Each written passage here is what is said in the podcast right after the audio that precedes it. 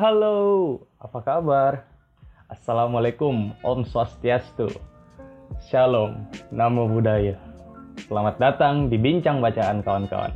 Bersama saya, Andre dari Makassar, Sulawesi Selatan. Dan nanti ada Aski juga, yang kebetulan sama-sama dari Makassar. Aski ini mahasiswa sastra Inggris semester 5 kawan-kawan di Universitas Islam Negeri Alauddin Makassar. Aski akan jadi teman bincang bacaan kita kali ini. Edisi kali ini spesial episode perdana kita di Bincang Bacaan. Jadi kalau kawan-kawan bosan mendengarkan musik di Spotify, kawan-kawan bisa mencari Bincang Bacaan di Spotify.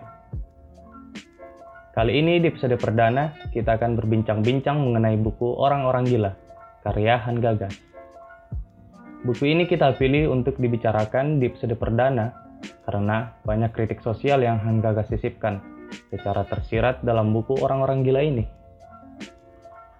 Kita juga ingin bantu kawan-kawan yang ingin tahu apa sih orang-orang gila itu, siapa sih Han Gagas, dan siapa sih orang-orang gila yang dimaksud Han Gagas dalam bukunya. Kita akan bicarakan semua di episode perdana ini. Oke, kita langsung mulai saja.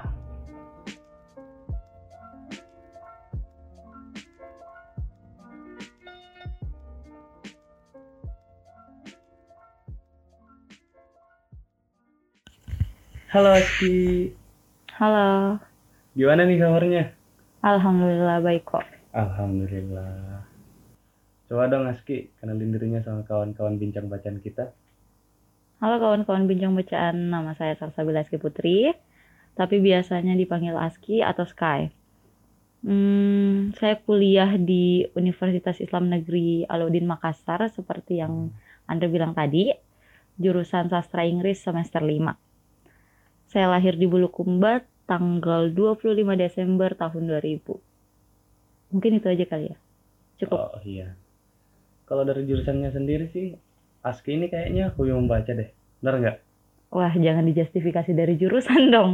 Karena nggak semua jurusan sastra itu suka baca buku. Ada juga yang terpaksa baca buku karena jurusan sastra. Hmm, begitu ya.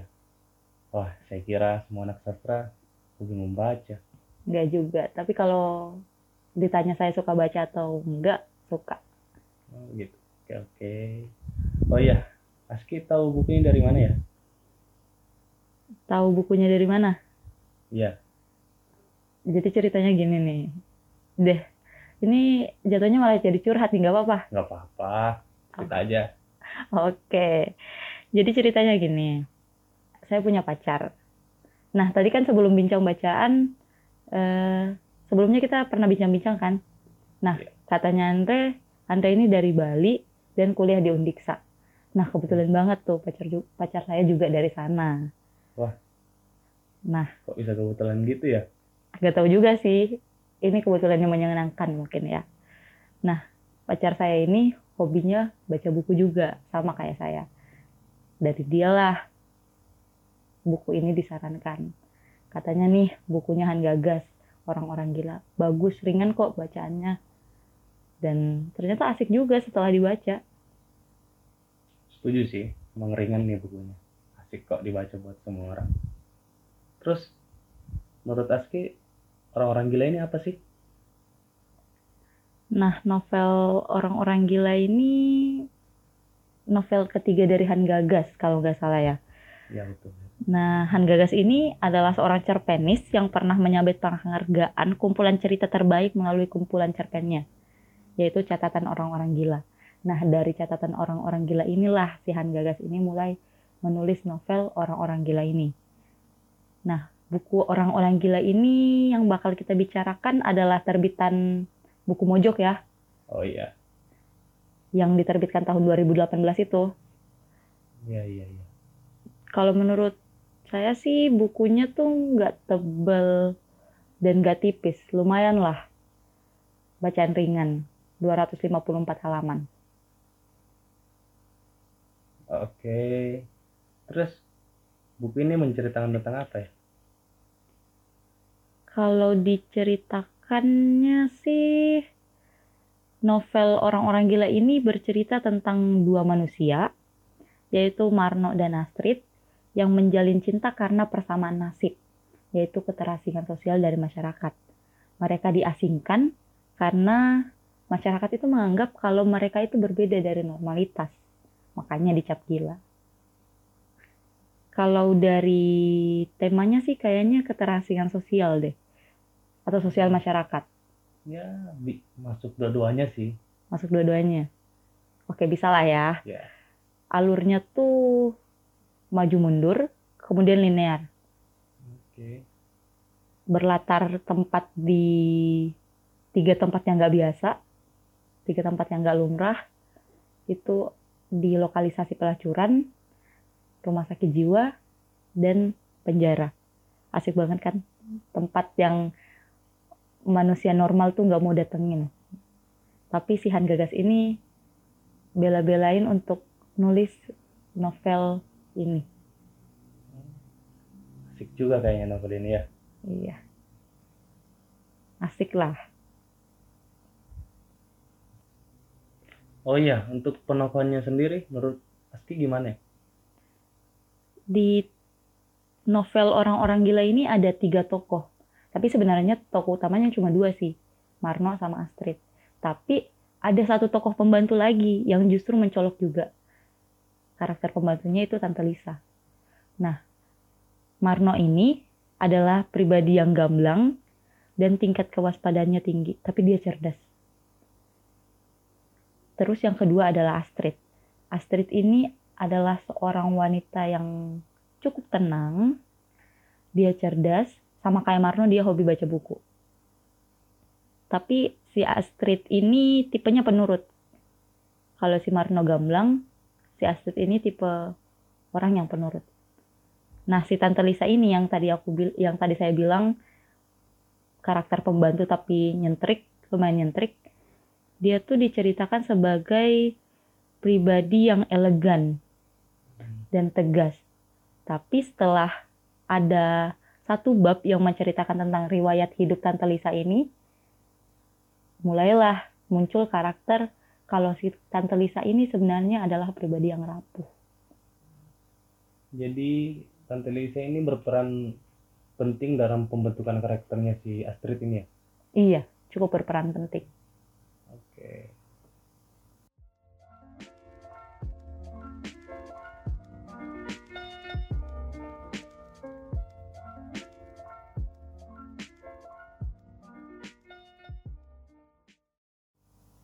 Oke, jadi yang saya tangkap dari apa yang diceritakan Aski tadi, buku ini tentang kisah dua orang gila yaitu Marno dan Astrid yang diceritakan secara lancar dan empuk.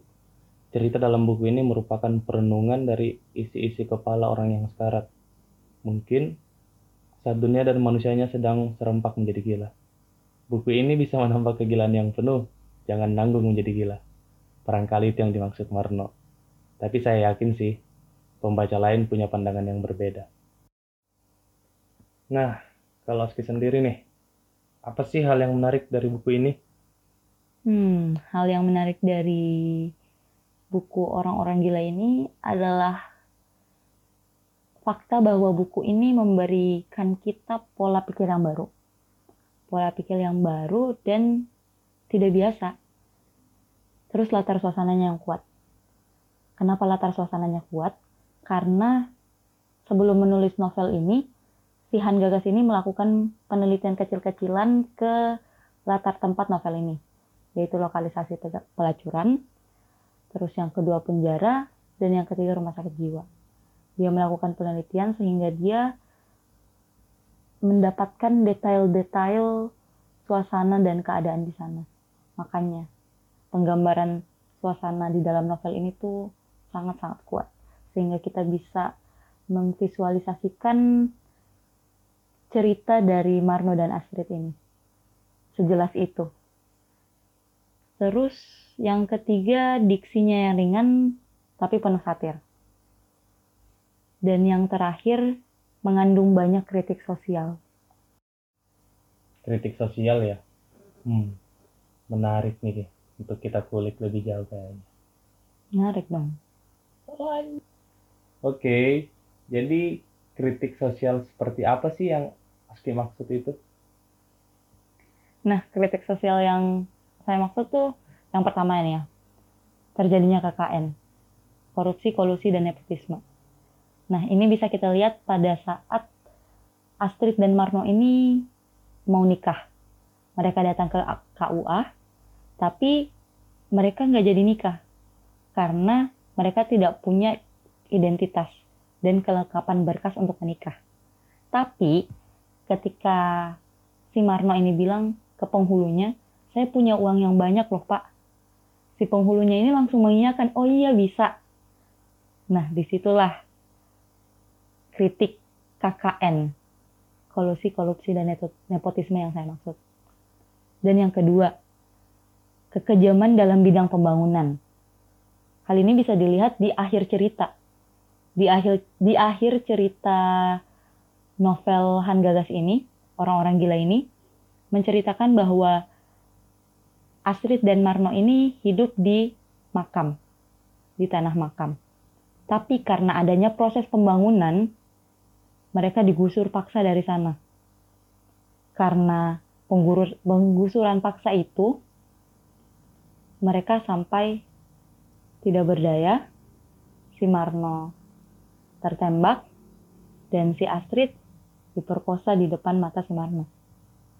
Yang saya herankan di sini, kenapa sih si Han Gagas ini membuat si Marno dan si Astrid ini kalah di cerita akhir ini? Harusnya sih kalau mau saya menang ya, tapi si Han Gagas ini punya kritik yang lain mungkin. Dia mungkin ingin menceritakan begini loh adanya di negara kita itu ini tuh pembangunan tuh kayak gini loh, penggusurannya kayak gini. Nah, yang terakhir terakhir, kok saya jadi nggak bisa bilang R ya kalau bicara sama Anda. Ya, mungkin gugup kali ya. iya, mungkin gugup ya. sorry, sorry, sorry. Nah, yang terakhir itu keterasian sosial mereka berdua ini diasingkan karena berbeda dari normalitas. Tapi menurut saya semua itu berawal dari sesuatu yang menyakitkan. Cerita kelam mereka. Kayak si Marno nih ya.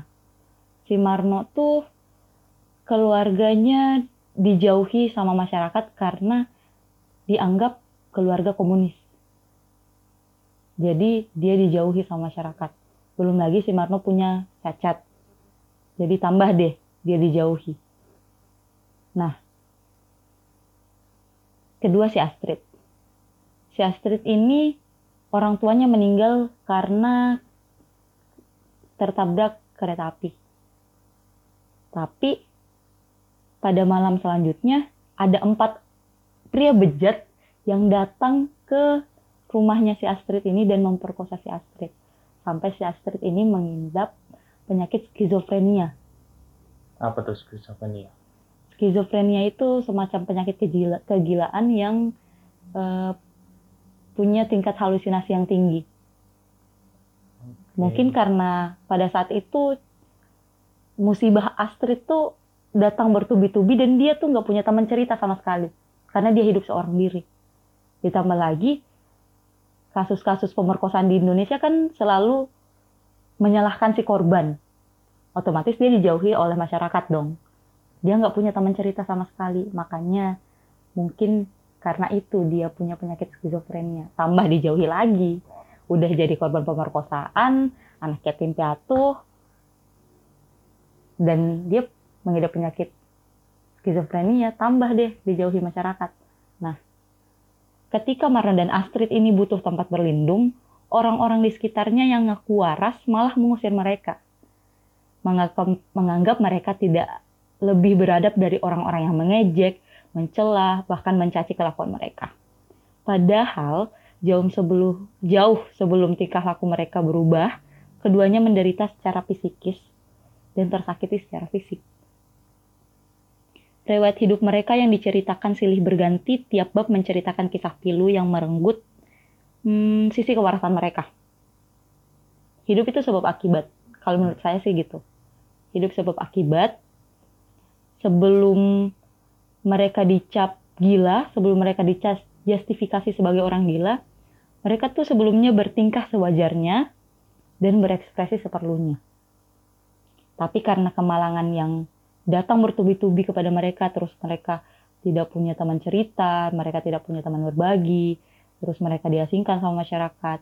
Mereka tuh menderita secara psikis dan fisik, makanya mereka tuh dicap sebagai orang-orang gila.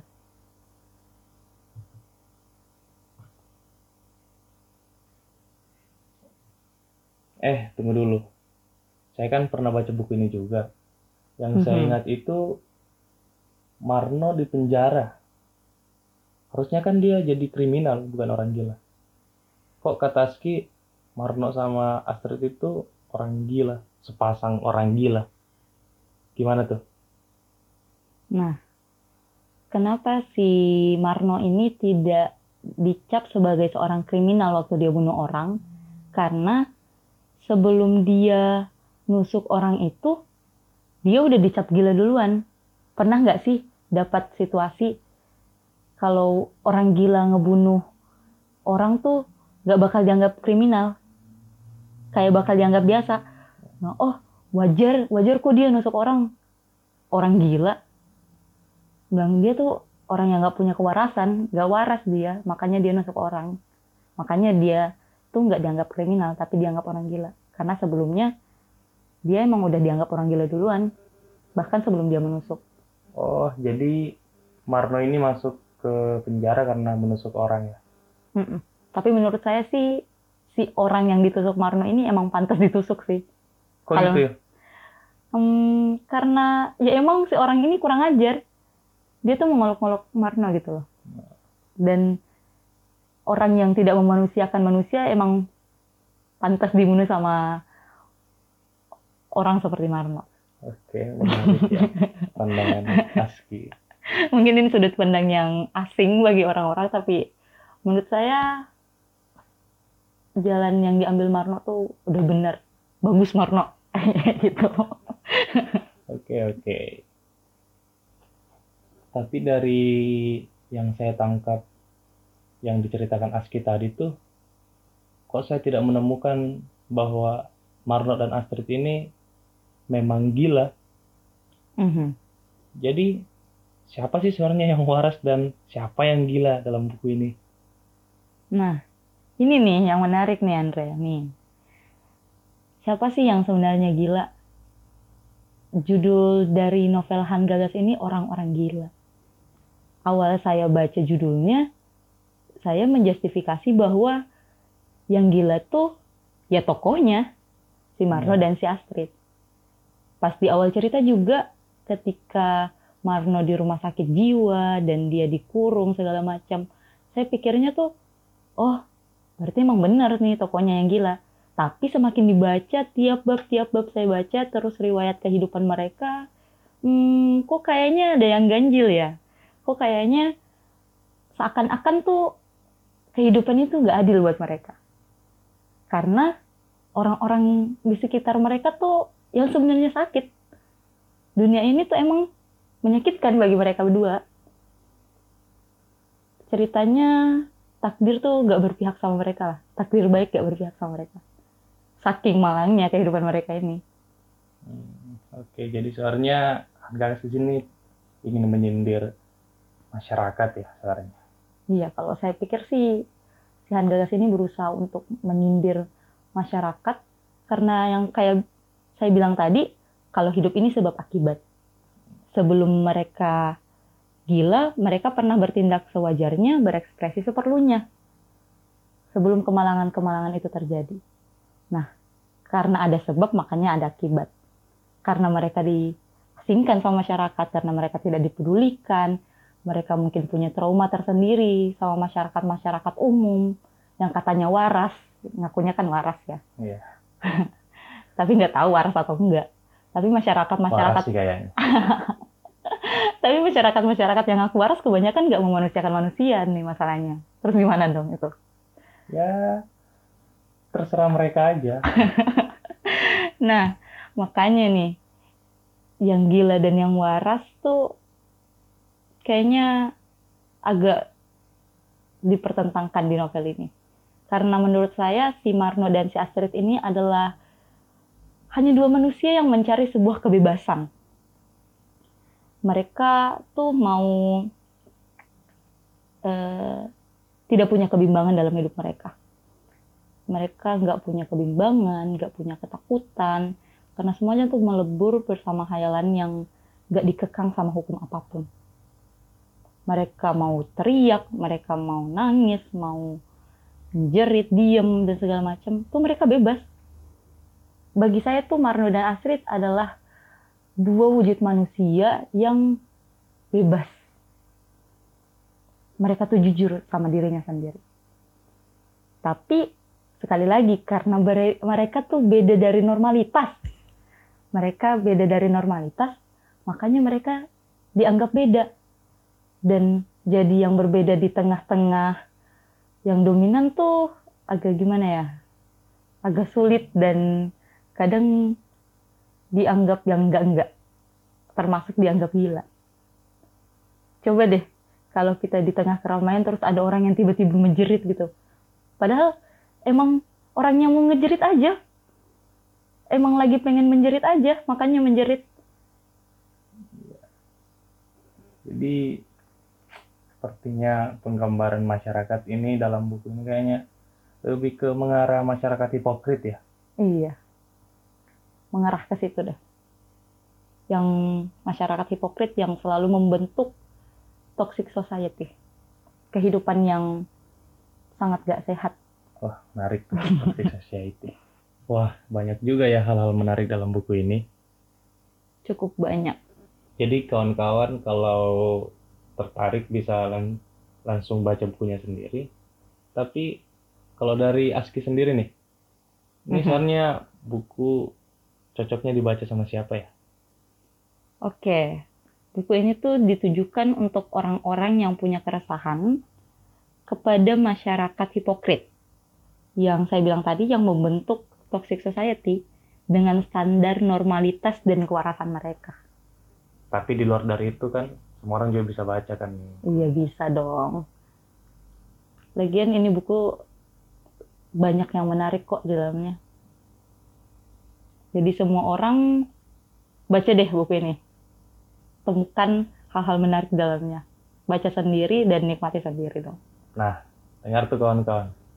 Banyak hal menarik dalam buku ini. Mungkin ada yang belum dibahas juga oleh Aski. Kalian bisa membaca buku ini. Satu lagi nih Aski. Oh, apa tuh? Terakhir ya.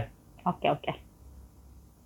Kira-kira buku lain yang temanya atau mirip-mirip dengan cerita ini bisalah Aski rekomendasikan ke kawan-kawan kita ini. Nah, buku yang agak mirip-mirip dengan novel Orang-orang Gila karya Gagas ini adalah Rumah Tapi Danau karya Banana Yoshimoto. Uh, penerbitnya kayaknya Odyssey deh. Dan itu lebih ringan lagi karena cuma 158 halaman. Buku ini tuh mengisahkan tentang seorang wanita muda yang berprofesi sebagai seniman mural di Tokyo. Eh, dia sering berdiri di depan jendela apartemennya sampai dia menyadari kalau ada pemuda yang juga selalu berdiri di depan jendela yang sebelah apartemennya. Mereka akhirnya bersama menjalani kisah cinta yang cenderung ragu hingga ia menyadari menyadari bahwa pemuda itu adalah korban trauma masa kecil. Nah, ini kan ada sangkut pautnya nih ya, kayak yang saya bilang tadi, hidup itu sebab akibat. Nah, di sini nih benang merahnya. Nah, mereka tuh mengunjungi dua temannya yang hidup di rumah tapi danau yang indah. Nah, di sanalah mereka tuh mulai mengumpulkan serangkaian petunjuk yang menuntunnya ke tragedi masa silam. Jadi alurnya agak mirip-mirip dengan novel Han Gagas, yaitu alur maju mundur kemudian linear. Oke. Jadi kawan-kawan kalau ingin membaca buku yang rekomendasi dari Aski tadi selain karyanya Han Gagas orang-orang gila, bisa kawan-kawan cari Rumah Tepi karya Banana Hashimoto. Maksud saya Banana Yoshimoto. Oh iya, terakhir nih. Terakhir banget nih Aski ya. Oke, tadi terakhir ada terakhir lagi ya? Lupa saya tanyakan yang ini. Oke, oke, nggak apa-apa, nggak apa-apa. Kira-kira pesan yang disampaikan oleh buku ini menurut Aski apa? Buku yang mana nih? Buku... Bukunya Han Gagas dong, Oke, Orang-orang Gila. Orang-orang gila ya. Nah, eh, pesan yang berusaha Han Gagas tampilkan di novel ini menurut saya sih perlu perlakukanlah orang lain sebagaimana kamu ingin diperlakukan. Jangan berpikiran sempit seperti manusia-manusia kebanyakan, masyarakat-masyarakat hipokrit kebanyakan, jangan berpikiran sempit, coba deh buka opini baru. Toleransi dan sebagainya dan berusahalah untuk memanusiakan manusia. Menarik, menarik. Oke. Jadi sampai di sini dulu bincang bacaan kita ya. Oke, sangat menarik bincang bacaan kita kali ini kawan-kawan. Wah, harusnya saya dong yang ngomong gitu.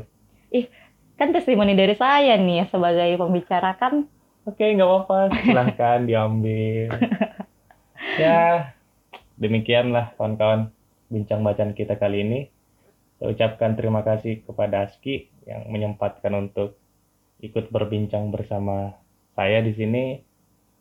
Sekian dan terima kasih kawan-kawan. Sampai jumpa di episode berikutnya. Salam literasi.